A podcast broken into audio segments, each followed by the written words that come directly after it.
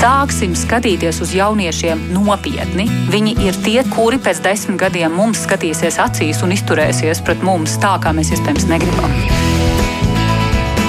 Mēs tiekamies ģimenes studijā.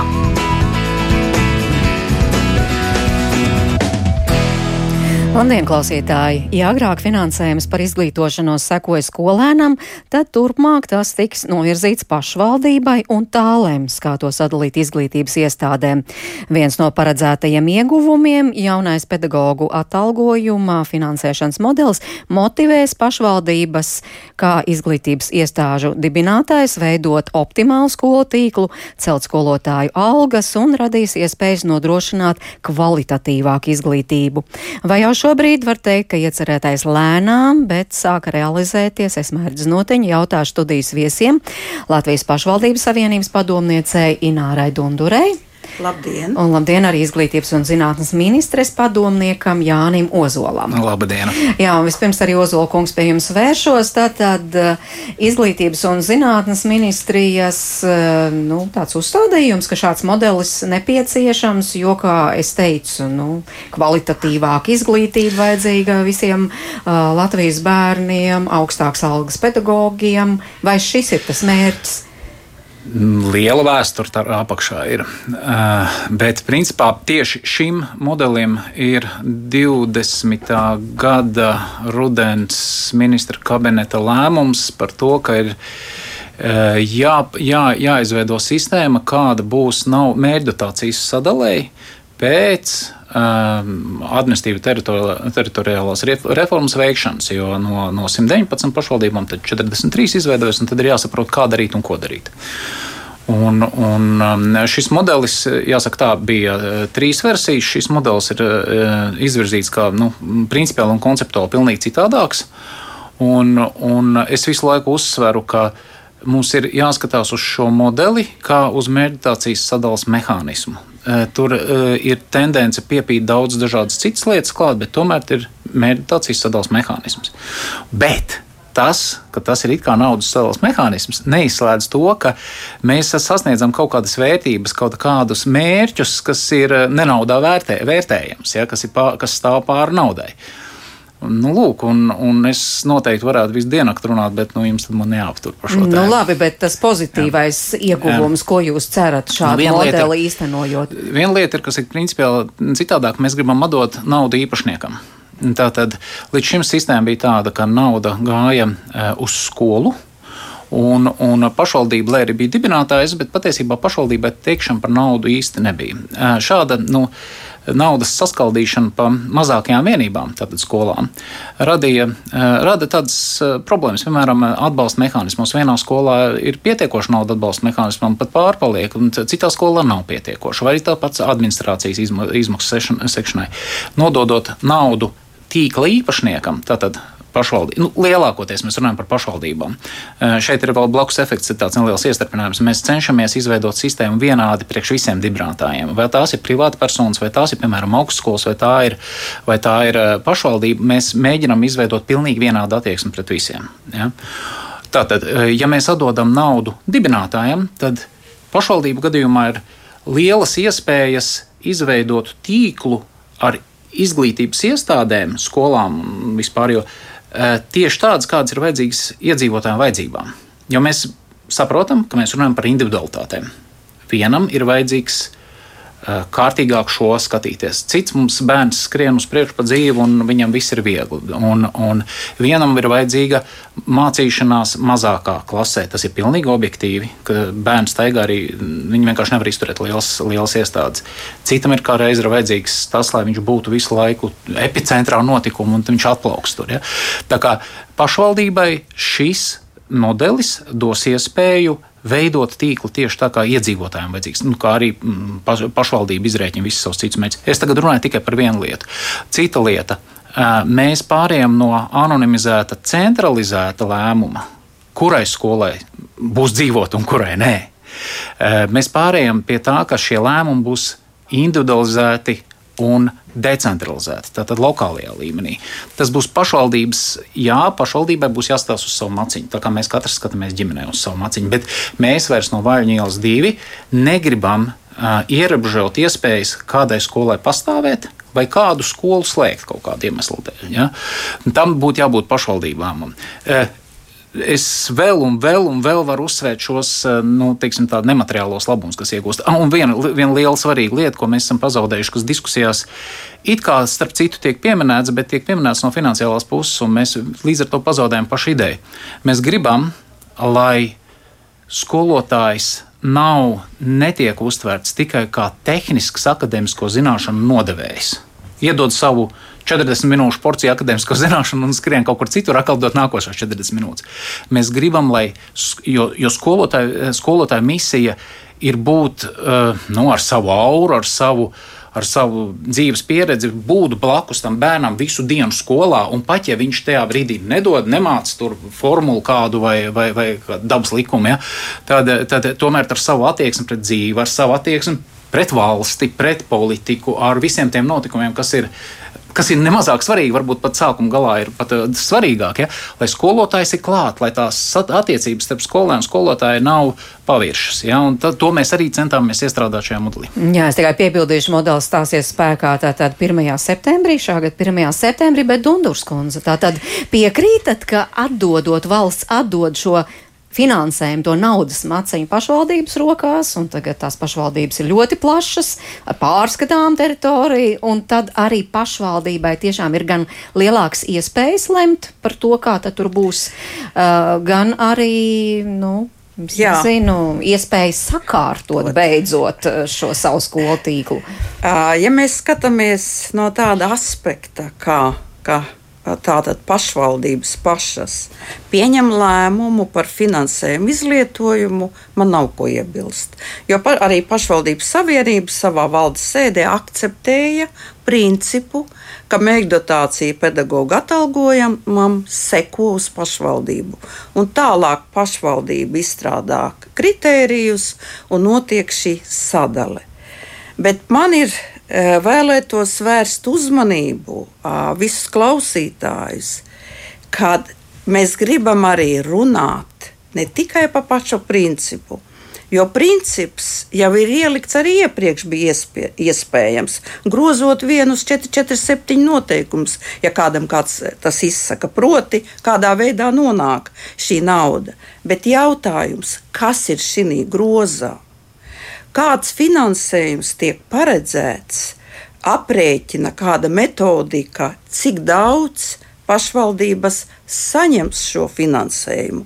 Tas ir ļoti svarīgi, jo tas, ka pašvaldības varēs pieņemt lēmumu, novirzīt vienai vai otrai skolai. Jā, es pilnīgi piekrītu, un tas ir ļoti pareizi. Bet es gribētu arī vērst uzmanību uz to, kā veidojas šis grozs. Pirmkārt, tie teritoriālie koeficienti. Mēs zinām, ka mums valsts ļoti dažādi atšķirīgi attīstās, dažāds iedzīvotāju blīvums. Mēs IKP varam paskatīties Rīga, Latgale, kas ir divas un vairāk reizes starpība, un arī iedzīvotāju blīvums. Mums ir arī tur pierobežā.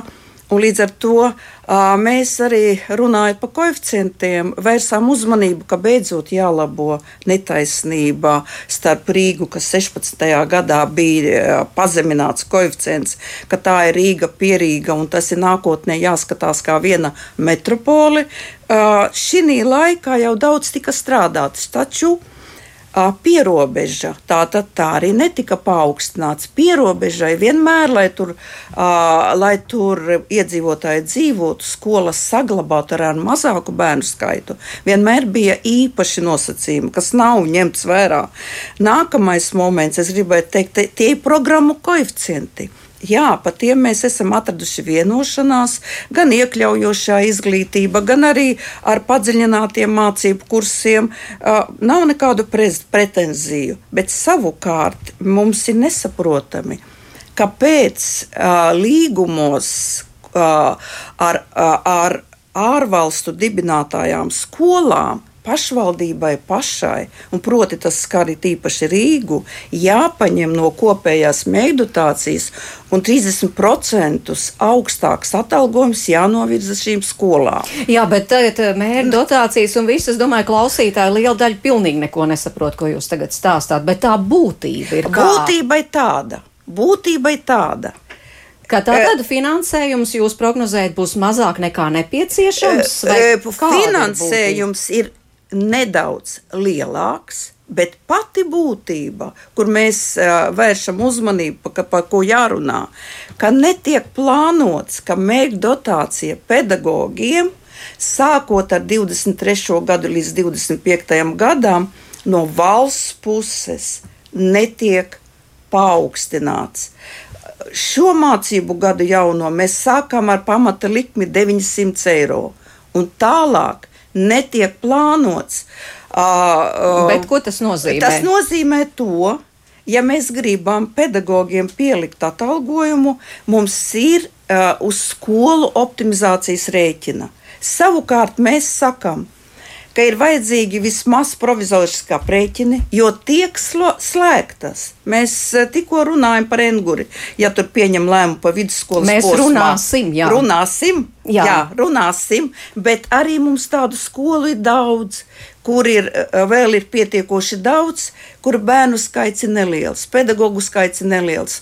Tur nav ietaupījuma, tur būs nepietiekošs finansējums, lai paaugstinātu pedagogiem atalgojumu nākošajā līmenī. Stāsti par to. Jā, Ozolkungs, iespējami īsi lūdzu, ir uh, kaut kāda pamats uh, šīm uh, pašvaldību bažām? Īsākā atbilde laikam ir tāda, ka mums jārēķinās, ka uh, katlā zupas ir tik daudz, cik ir, un vairāk nebūs.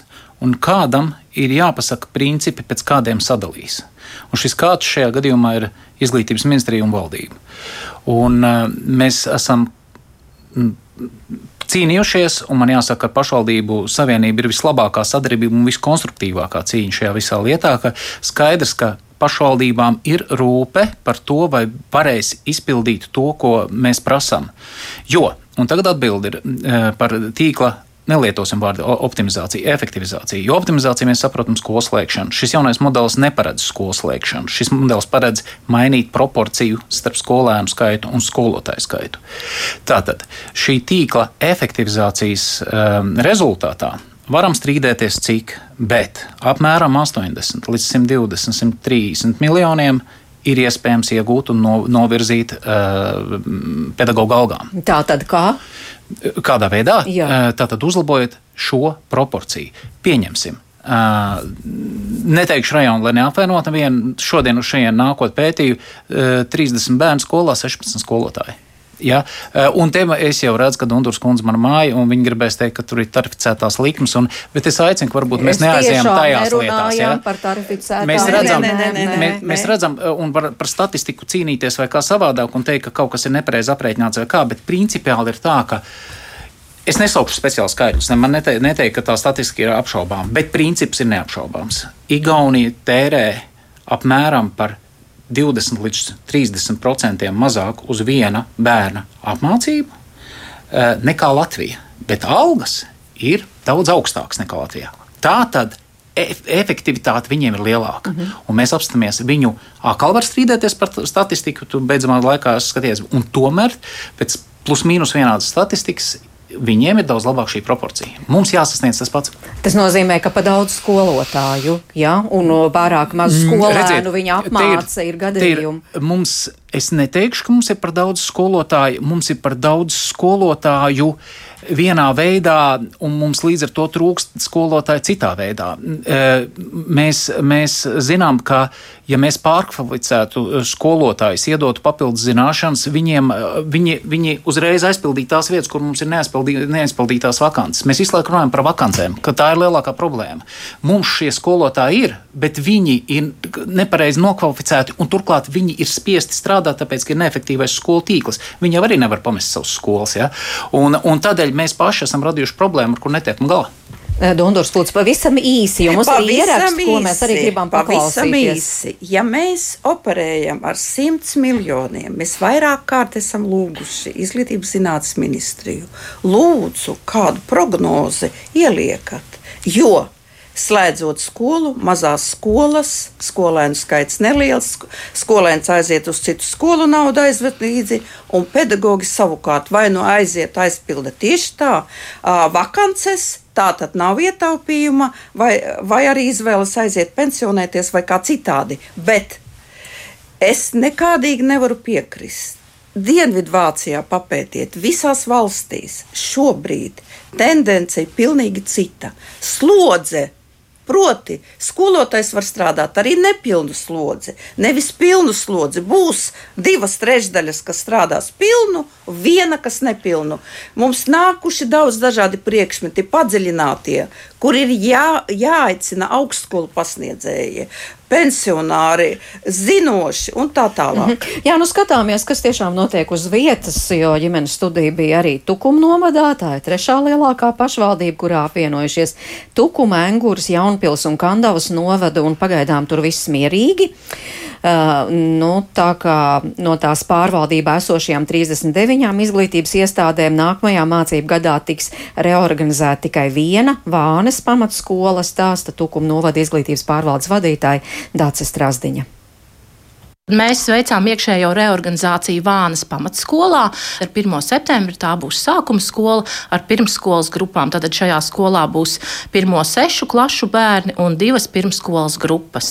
Tāpēc, kad šobrīd šo bērnu skaits šajā izglītības iestādē ir ļoti neliels, un līdz ar to mēs uzskatām, ka nav iespējams kvalitīvi nodrošināt izglītības procesu, jo šobrīd bērni mācās apvienotajās klasēs. Un reorganizējot, mēs mēģināsim panākt to, ka bērniem būs tikai atsevišķas mācības mācību stundas var būt uh, savienotas ja, kopējās klasēs, bet lielākā daļa mācību procesa tomēr notiks atsevišķās klasēs. Mm -hmm. Un kur bērni turpmāk mācīsies, tie, kas mācījās pamatskolā? Mēs ļoti ceram, ka viņi turpinās ceļu uz mūsu pašvaldības izglītības iestādēm. Tuvākā ir Kandava. Tātad Kandavā ir divas izglītības iestādes - Kandavas reģionālā pamatskola un Kandavas Kārļa Mīlenbach vidusskola. Šobrīd transporta tīkls mums ir sakārtots tā, ka ir iespēja nokļūt eh, ļoti ērti uz šīm divām izglītības iestādēm un, un mērot arī māju ceļu. Pie kam vēl Kandavā mēs zinām, ka ir profesionālās ievirzes skolas, mūzikas, deju skola, mākslas skola un sporta skola. Tad cik tālu ir Vāne no Kandavas? Vāna no Kandavas ir kāds 19 km attālumā. Bet tā mierīgi, ja? bez lieliem uh, iedzīvotāju protestiem. Jā, mēs tikāmies gan ar iedzīvotājiem, gan ar pagastu pārvaldes vadītājiem. Tā kā šobrīd izklausās, ka diezgan mierīgi nekādu vecāku protestu nebija. Kā skatāties tālāk? Vai ar šo vienu reorganizāciju viss šis skolu tīkls būs sakārtots? Es uzskatu, ka ar šo reorganizāciju viss skolu tīkls netiks sakārtots. Mums vēl ir daudz darāmā. Tik, tikko noslēdzās arī iestāžu vadītāju vērtēšana, kurā mēs uzklausījām katru iestādes vadītāju un iepazināmies ar viņu redzējumu katras izglītības iestādes attīstībā nākotnē. Bet es domāju, ka mēs vēl strādāsim pie skolu reorganizācijas. Bijušajā Tukuma novadā ir, ir diezgan diezgan veiksmīgi jau šis tīkls sakārtots un reorganizācijas veiktas, bet es redzu, ka pievienotajos novados mums vēl šis ceļš būs turpināms. Kādi tie kritēriji, lai reorganizētu skolu? Mēs ņēmām vērā gan uh, izglītojamo vajadzības, gan vecāku vajadzības, gan skolotāju vajadzības, gan arī skolu piedāvājumu, skolu kvalitāti šī brīža. Ja? Mēs katru izglītības iestādi atbilstošiem kritērijiem vērtēsim. Ģimenes studija tikko iegriezās arī Angūras vidusskolā, un iespējams tas ir arī viens no jautājumiem par šo vidusskolas posmu, kādiem ir jābūt tiem kritērijiem, lai šādas arī salīdzinoši mazas skolas arī turpmāk spētu eksistēt un būtu vajadzīgas. Jā, Engūras vidusskola bija viena no izglītības iestādēm, kuru mēs arī izvērtējam, un šobrīd pieņēmām lēmumu, ka šogad mēs šo vidusskolu saglabājam. Bet nevienam nav noslēpums, ka tur šo vidusskolas posmā esošo skolēnu skaits ir šobrīd nepietiekams mazs. Bet tā kā šī izglītības iestāde tomēr realizē atšķirīgu vidusskolas izglītības programmu ar nu, vidi saistītu, jā. Jā, mm -hmm. tad, tad mēs šobrīd lēmām par labu Engūras vidusskolai un saglabājam šo vidusskolu. Varbūt, ka mums izdodas arī nākotnē noturēt. Un ar šo īpašo programmu varbūt vidusskolai izdodas piesaistīt sev papildus uh, skolēnus, uz ko mēs ļoti ceram. Mēs noteikti nākamajā mācību gadā atkārtot atgriezīsimies pie šīs skolas darba izvērtējuma, pie šīs skolas iespēju izvērtējuma. Jā, bet nu, jūs redzat, ka ir arī kādas priekšrocības, ka tomēr tas novads ir lielāks. Jums vieglāk ir plānošanas darbs? Nav kļuvis vieglāks, bet es domāju, ka mums ir iespējas palielinājušās. Programmu ziņā mēs varam pārskatīt, kā kādas programmas mēs varam realizēt izglītības iestādē. Mums ir iespēja skolēniem piedāvāt mācības vienā vai otrā izglītības iestādē, un jo vairāk mums šo izglītības iestāžu ir, jo šajā ziņā mums ir plašāks iespējas. Un, ja runājam par jauno pedagoģu darba samaksas modeli, kurš tiks apstiprināts tuvākajā laikā, tad man šķiet ir, ir ļoti pozitīvi manā skatījumā tas, ka nauda seko pašvaldībai. Un tas ir mums vēl viens rīks, ar kuru mēs varam stiprināt skolas, pārdalot šo finansējumu iekšķēji starp skolām.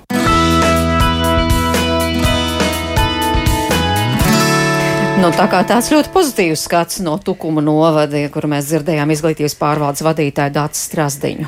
Mums ir arī ne tikai Tukumā, bet arī uh, daudzās pašvaldībās faktiski jau uh, pirms administratīva teritoriālās reformas pašvaldības, kuras neskāra, jau tika sakārtots skolu tīklus. Es te varu minēt visas valsts pilsētas, Liepāju, Jūrmalu, palikusi tikai viena tur tāda astīte un, un, Un tad mēs varam runāt arī par to, ka arī novados, kā saldus, faktiski jau mazās skolas palikusi tikai viena maza, viņi gāja atkal citu ceļu, un, un tādā veidā var turpināt. Pašvaldības, kurās tika pievienoti novadi, tika pieņemts lēmums daudzās par vidusskolām. Šī mācību gadā jau neatvērs, un tās ir 14, kur neatvērs vidusskolas posmu.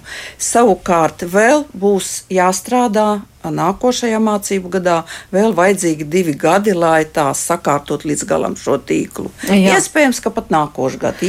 Jā. No Tukumā man teica, ka viņiem tas moto ir par mazajām skolām, tātad tuvāk mājām, bet par vidusskolām, nu tad tur tiešām šis jautājums ļoti jāizvērtē. Piekrītat Ozolkungs, ka tāda stratēģija varbūt ir pareiza? Jā, es, un es teikšu, ka Latvija mums It kā esot maziņi, bet patiesībā ir tik liela, ka mums ir ļoti daudz, mums ir 43 dažādi gadījumi. Un, un katram ir jāpieņem savs, savai pašvaldībai, savam, savam, saviem iedzīvotājiem vajadzīgākais lēmums. Un Rīgā tie būs vieni lēmumi, un, un Tukumā būs citi. Jā, nu, un tad domājot tiešām par tukumu, es iegriezos arī Engurs vidusskolā, satikos ar Engurs vidusskolas direktori Ilzi Kalnozolu, lūk viņas redzējums. Nu, šobrīd skolā mācās 230 skolēni, jā, 30 skolotāji strādā. Nu, tā ģimenīte ir kupla. Protams, tehniskie darbinieki pārpa 20, un, un pašiem savi transporti, sava kurināšana, sava virtuve. Nu, kā īstā saimniecībā, jāsaka tā, kā īstā ģimenē. Jā, bet arī par vidusskolas posmu jūs teiktu, ka kupls no, ir tas skolēnu pulks. Nē, nu pašā, ja domājam vidusskolas klases, tad, protams, nu, kad, kad nav, nav tik kupls, kā varbūt gribētos.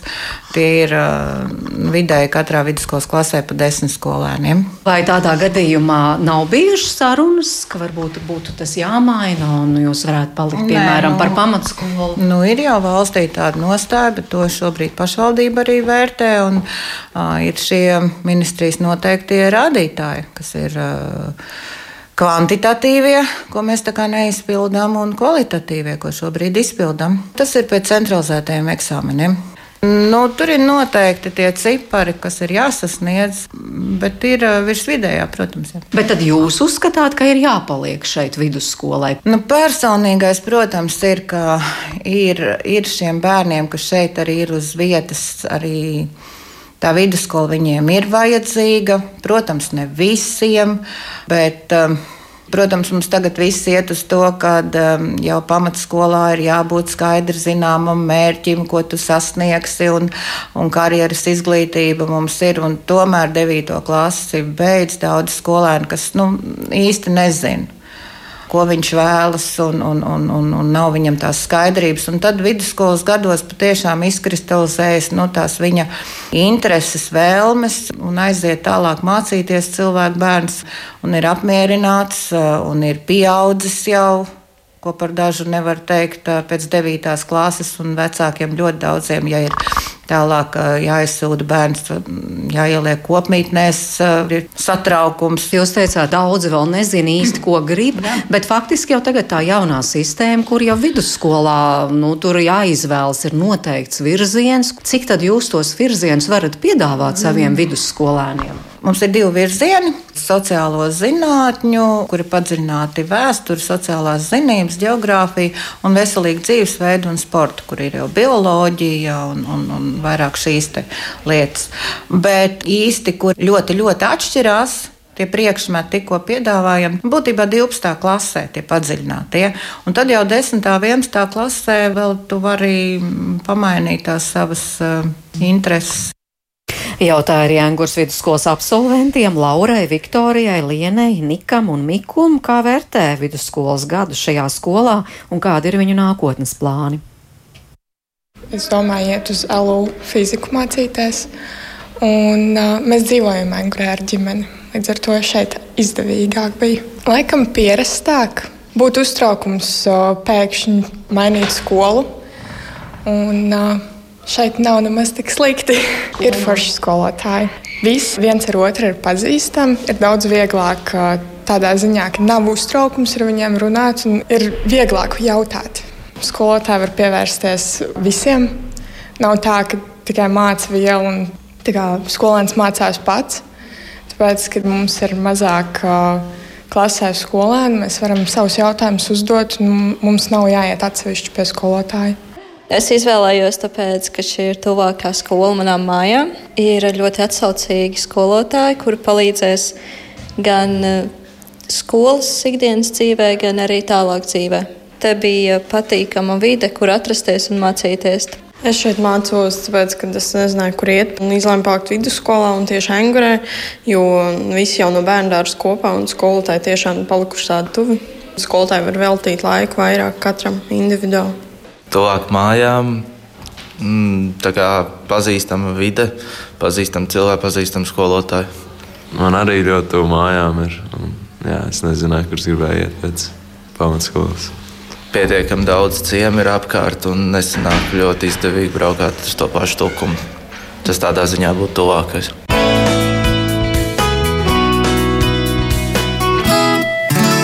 Tādas sarunas Engūras vidusskolā tuvāk mājām. Reka skolēni saka, tas ir ļoti labi. Individuālā pieeja arī vidusskolas posmā tas ir labi. Un, starp citu, direktori arī teica, ka tur ir gadījumi, ka nu, tādā lielā skolā šāds skolēns vidusskolu noteikti nepabeigtu, bet, piemēram, Engurē pabeidz un pēc tam viss nokārtojas, aiziet tālāk, cilvēkam dzīve sakārtojas. Arī tādi gadījumi ir. Jā, es jums pilnīgi piekrītu, un tieši tas ir ieguvums tādām nelielām skolām, nelielākām skolām, jo nereti, kad 9. klase beidz tieši tā, kā mēs dzirdējām, ka vēl nav izvēlējies. Varbūt tās sekmes arī nav bijušas tik labas, lai iet uz valsts gimnāziju, bet pat tiem vidusskolas gadiem tad jau saprot, ko grib. Uh, ir iespējas šīs individuālās uh, pieejas un nākt un saņemt konsultācijas no skolotāja, un tad jau izvēlas arī aiziet ļoti daudz uz augstskolām. Un tā es varētu minēt arī daudzas vidusskolas. Mums bieži nereti piemin arī Baltinovas vidusskolu kur faktiski līdz 80% aiziet uz augstskolām. Un tie ir tieši tas pats stāsts. Un tādā ziņā, jā, protams, šis sadales mehānisms ir ļoti labs. Ja vidusskola nesniedz labu kvalitāti, tad viennozīmīgi jāpieņem lēmums, ka nu, nav jēga tādu vidusskolu turēt. Neskatoties, cik daudz un kāda tā situācija ar skolēniem, jo pirmais kritērijs tā ir izglītības kvalitāte. Bet vēl ko es gribētu pieminēt sakarā ar šo skolu tīklu un optimizāciju un visām pārējām lietām, mums pierīgas pašvaldībās trūkst skolās vietu. Mums tur nav iespēja kādu lēmumu pieņemt par vienas vai skolas vai otras izglītības pakāpes maiņu. Nu, ādaži, mārupe un tā es varētu turpināt. Un te ir vēl viens tāds stāsts, kur jārisina citi jautājumi, jābūvē skola vai vēl kā citādi. Līdz ar to tā situācija tiešām starp pašvaldībām ir ļoti atšķirīga. Jā, nu katrai pašvaldībai jā. jārisina savas problēmas. Jā. Jautājums, cik veiksmīgi uh, tas tiek darīts. Nu jā, es teikšu tā, man, manuprāt, tieši skatoties no šī tīkla sakārtošanas no izglītības viedokļa, es teiktu, ka laikam teritoriālā reforma Latvijā vēl nav beigusies. Jo, jo es redzu vēl milzīgas potenciāls, un runājot nevis par naudas ekonomiju, nevis par lētu izglītību, bet par labu izglītību. Un te nu Dunduras eh, kundze pilnīgi taisnība ir. Tas ir, tas, tas ir būs šobrīd pašvaldību izglītības pārvalžu rokās definēt mērķus sasniedzamos, saprast, vai skola sasniedz mērķus, vai tie ir kvalitatīvi izpildīti, un būs iespējas uzturēt labas skolas, neskatoties uz lielumu. Bet, nu, it kā labi, laba skola, labi rezultāti, bet tagad jaunais standarts, kur vidusskolā jāpiedāvā izvēles, un tomēr reāli, piemēram, tāda valsts gimnāzija Rīgā piedāvā sešas vai septiņas izvēles, pie tam ļoti atšķirīgas. Es tiešām nezinu, cik tādas izvēles var piedāvāt skolu, kurā ir tikai desmit skolēni. Un es nezinu, cik skolotāji, jā, vidusskolas posmā. Jā. Mēs dzirdējam Engurus piemēru. Ir iespēja arī vidusskolas specializācija Tur bija vides. Mums ir skola, kuras domā Liepājā par jūrniecības virzienu.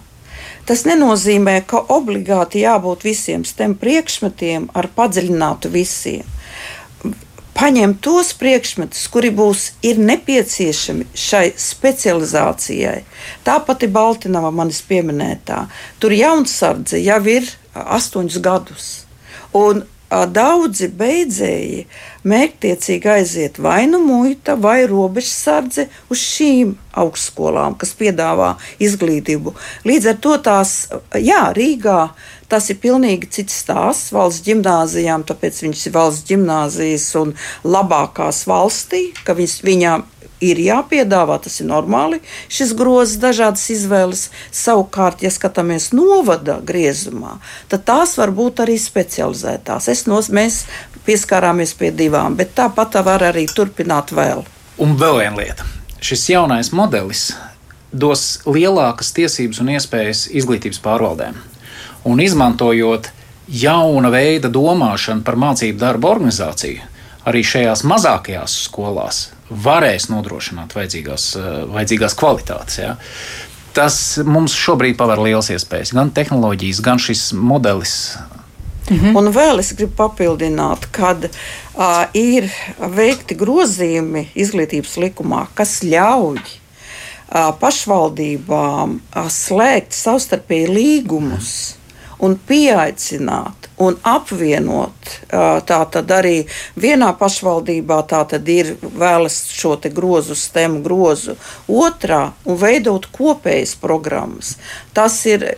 Nu, mums ir jāiet uz priekšu, mums jāpiedāvā skolēniem to, ko viņi vēlas tam nolūkam, izmantojot dažādas metodes. Klausītāja Aivita raksta, bērniem ir tik daudz mentālo veselības problēmu, un tagad skolas tuvums, manuprāt, ir viens no stresu mazinošiem apstākļiem, un, protams, pedagogiem jābūt tomēr kvalificētiem. Starp citu, par šo tas ir viens no aspektiem, par ko runā arī Alūksnē.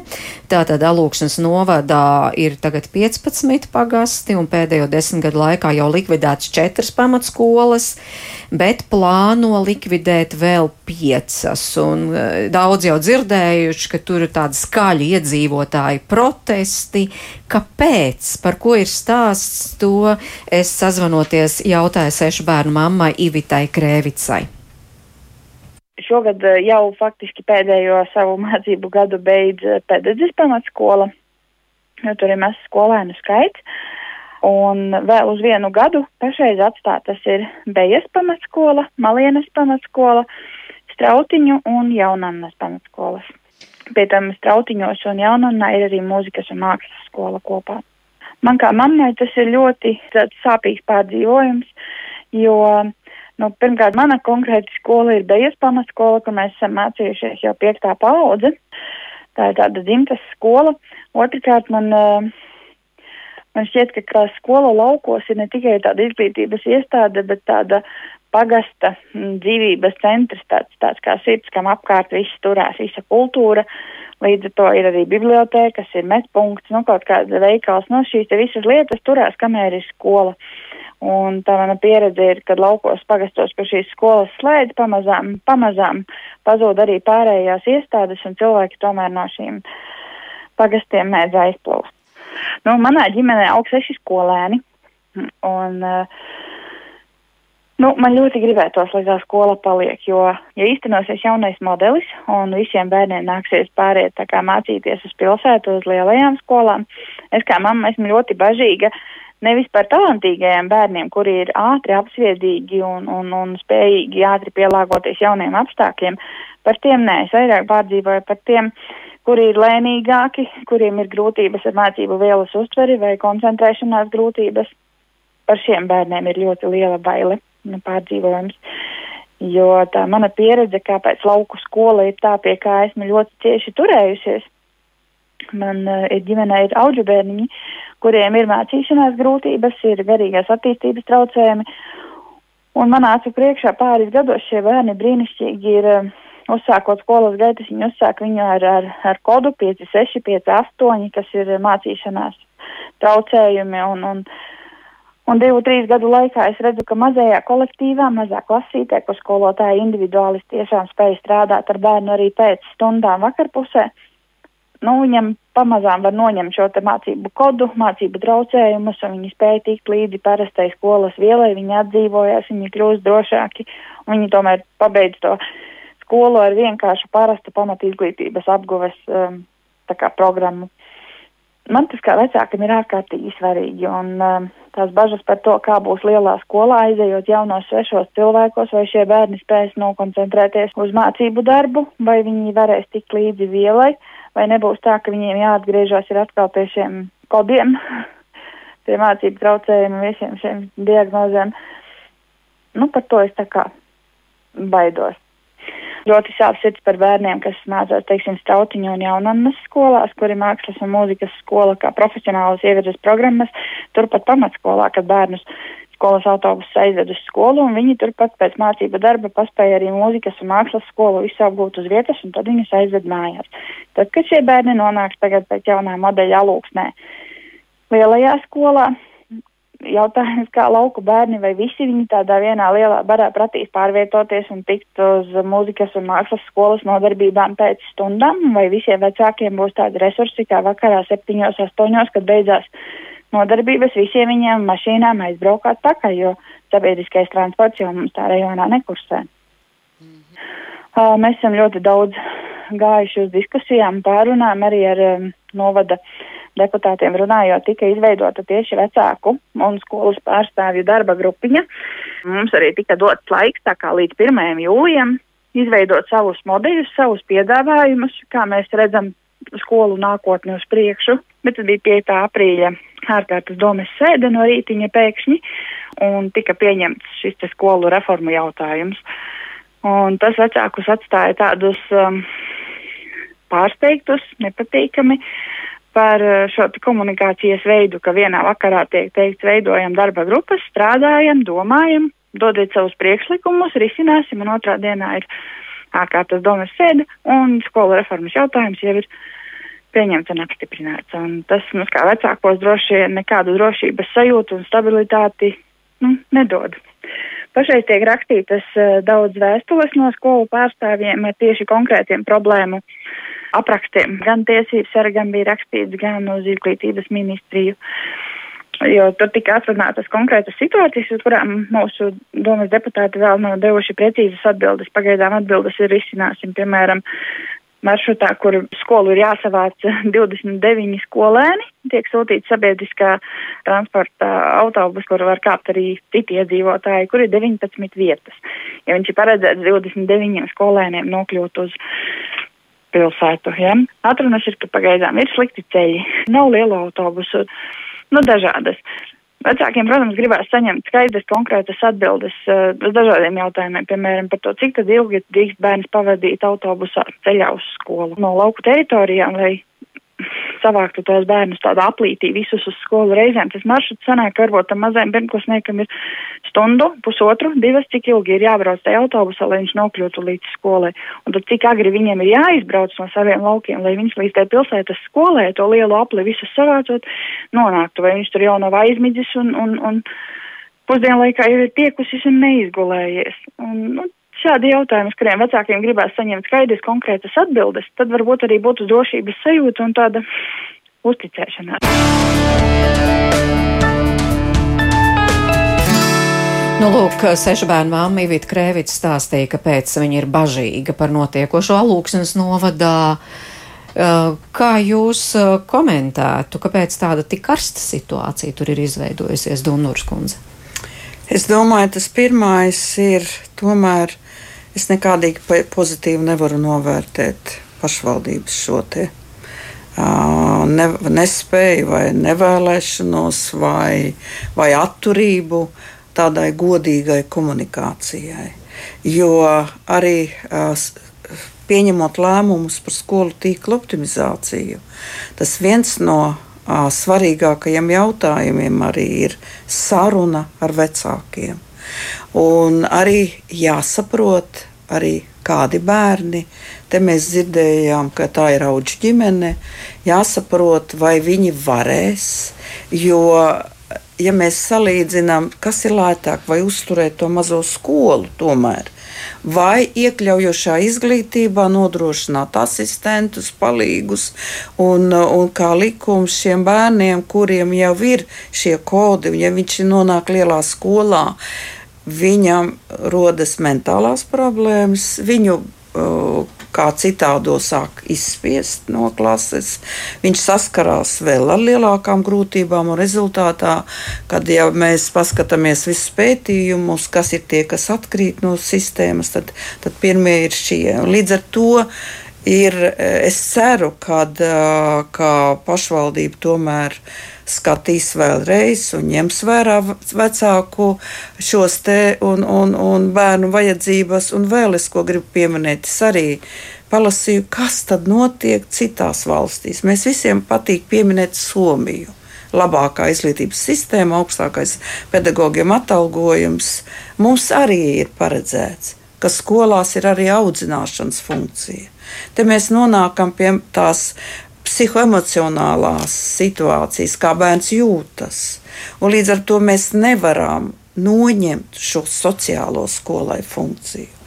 It kā liekas, jā, skolā taču tikai mācās, bet skolā bērns ir, lai socializētos, lai iemācītos prasmes, kā uzvesties, ko darīt. Un ļoti svarīga šī vide, un, un tas ir jāņem vērā. Mm -hmm. nu, jā, nu, arī tādi komentāri no klausītāja puses Latvijā ir tik daudz nabadzīgu ģimeņu, ka skolas tuvums ir tiešām noteicošais, lai bērns vispār izglītību vidusskolā pabeigtu, jo vecāki nevar atļauties vadāt, īrēt dzīvokļus un tam līdzīgi. Vai arī Normunda skepse, kam interesē mūsu vai, nu, viņš saka, jūsu bērnu labsajūtu valdībai Excel tabulā, viss ir ļoti jauki, un ja valdība grib, lai cilvēki laukos nedzīvotu, tad uz priekšu un šī problēma ir visā valstī, un mēs valstī nevaram tikai skaitīt, kas ir izdevīgi, ir jādomā, kā ir pareizi. Jā, no Izglītības un zinātnes ministrija arī saņēma vēstuli no Alūksnes novada vecākiem. Esat par to informēts un varbūt arī mhm. piesaistīts atbildes es, gatavošanai. Es varbūt ir ļoti daudzi, daudzas, daudzi slāņi, par kuriem ir jārunā, un tādēļ es varbūt nebiju nevis vienu atbildi, bet vairākas. Pirmkārt, es saklausīju uh, lielu daļu no iepriekšējās tās intervijas bija par komunikāciju. Tā ir viena lieta. Otra lieta, es saklausīju no šiem ierakstiem, ka lūk, par Exceli valdība un kas tur ko ņem, neņem vērā. Mm -hmm. Excel tabulās, jā, jā, viss jā. labi izskatās. Jā. Tas, tas ir man, man pat tā jāsaka, esmu priecīgs dzirdēt šādu viedokli, jo mēs, kā jau iepriekš sākumā minēju, šis jaunais modelis ir, ir, ir tieši vērsts, lai nevis Vaļņu ielā divi Rīgā pieņem lēmumu, kurai skolai būt, būs dzīvot un cik lielai būt un ko darīt, bet pašu varai. Un tagad var pavīpsnāt, var smieties, un var, varēs var pateikt, ka tas tā kā nedaudz joks ir. Ja? Bet lūdzu, ejam uz vēlēšanām. Ievēlam to pašu varu, kas arī mūs sadzirdēs un ar kuru mums tālāk būs jādzīvot. Tas ir tas, e, vēl viens slānis, un tad ir trešais, ko jautājāt. Vai es esmu informēts? Jā, es esmu informēts. Mm, saraksta ar alūksni mums ir notikusi e, diezgan liela un, un, un gara un daudz, daudz, daudz kārtīga. Eh, vairākās kārtās mēs esam eh, prasījuši informāciju, gan kādā veidā eh, notiks šī, šī nu, teiksim, reorganizācija, gan kādā veidā transporta atrisinās. Jā, gan arī, arī bija ļoti cits būtiski. jautājums. Un man jāsaka, Lūks ir iedavusi ļoti labu plānu.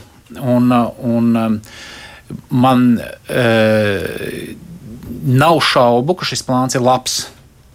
Un tas, ko es saklausīju par 1. jūliju un pēkšņi 5. aprīlī, ir kaut kas noticis. Es domāju, atkal daudzas lietas paliek tādas pussaprastas, pusnesaprastas un, un, un attīsta pašas sevis un kļūst par baumu. Piemēram, pašā sākumā pateikties, ka šis modelis liek slēgt skolu, tā jau arī ir bauma. Modelis neslē, neliek slēgt skolu, modelis dod iespēju mazai skolai dzīvot. Ja? Un arī šajā gadījumā ļoti iespējams, ka nav saruna notikusi līdz galam. Jo es esmu runājis arī tieši par šīm speciālajām nu, mazo skolu vajadzībām. Nu, kas būs tad, ja tāda lieta parādīsies. Un alūksnes vadība man ir teikusi, ja tāda lieta patiešām parādīsies, nevis kā viens gadījums, jo ļoti bieži ir varbūt viens ļoti skaļš gadījums. Ja? Un tomēr, ja mēs runājam par sistēmu, tad tur ir jābūt vairāk nekā vienam. Bet eh, šis jaunais modelis pirmkārt do, eh, pavērs iespēju kaut kādu vajadzību apmierināt no privātās puses, kas ir sociālie uzņēmumi, kuriem ir pavērtas iespējas arī šajā tēmā strādāt. Otra lieta arī šie vecāki noteikti var runāties ar, ar alūksnes pašvaldību, acīm redzot, līdz noteiktiem 1. jūlijam, ar savām idejām, ko darīt. Nevis vienkārši saglabājiet veco. Jā, jā, jā un starp citu, Iveta Krēvits nepārstāv tikai, tas nav tikai viņas ģimenes, tur ir vairāku ģimeņu viedoklis. Nu, jā, dzirdēju vienu. jā, jā, protams, viņa pārstāvēja, jā, jā. varbūt to es arī tā neuzsvēru, bet, nu, piemēram, tāda atbilde kaut vai tikai viena atbilde no jūsu puses, cik ilgi tur tie bērni var, piemēram, braukt uz skolu vai atpakaļ. Varat tādu konkrētu atbildi uzreiz mums tagad iedot, negaidot, kamēr tur tiešām tās, tā komunikācija savstarpēji starp iedzīvotājiem un pašvaldību labāk notiks? Jā, būtu pareizi, ka tas būtu ne vairāk kā 40 minūtes. Un es gribu vērst uzmanību, ka tie kādreiz bija projekti Šveices autobusi. Viņi ir nolietojušies. Un faktiski ir vajadzīga programma, kas arī veicinātu skolu tīklu optimizāciju, sakārtošanu labāk, iegādāties autobusus un šoreiz nu, pēc vajadzības lielāka izmēra vidēji arī mikroautobusus. Mhm. Lai nevajadzētu braukāt lielo, garo divas stundas, īstenībā nu, tas nav pieņemami. Jā, raidījums tuvojas izskaņai, bet mēs sākām, ka mēs runāsim par jauno pedagoģu atalgojumu finansēšanas modeli. Bet kur tad paliek tie pedagoģi vai viss šī rezultātā? Tad viņi var cerēt vai nevar cerēt uz lielākām algām. Kā tad īsti ir Dundurs kundze?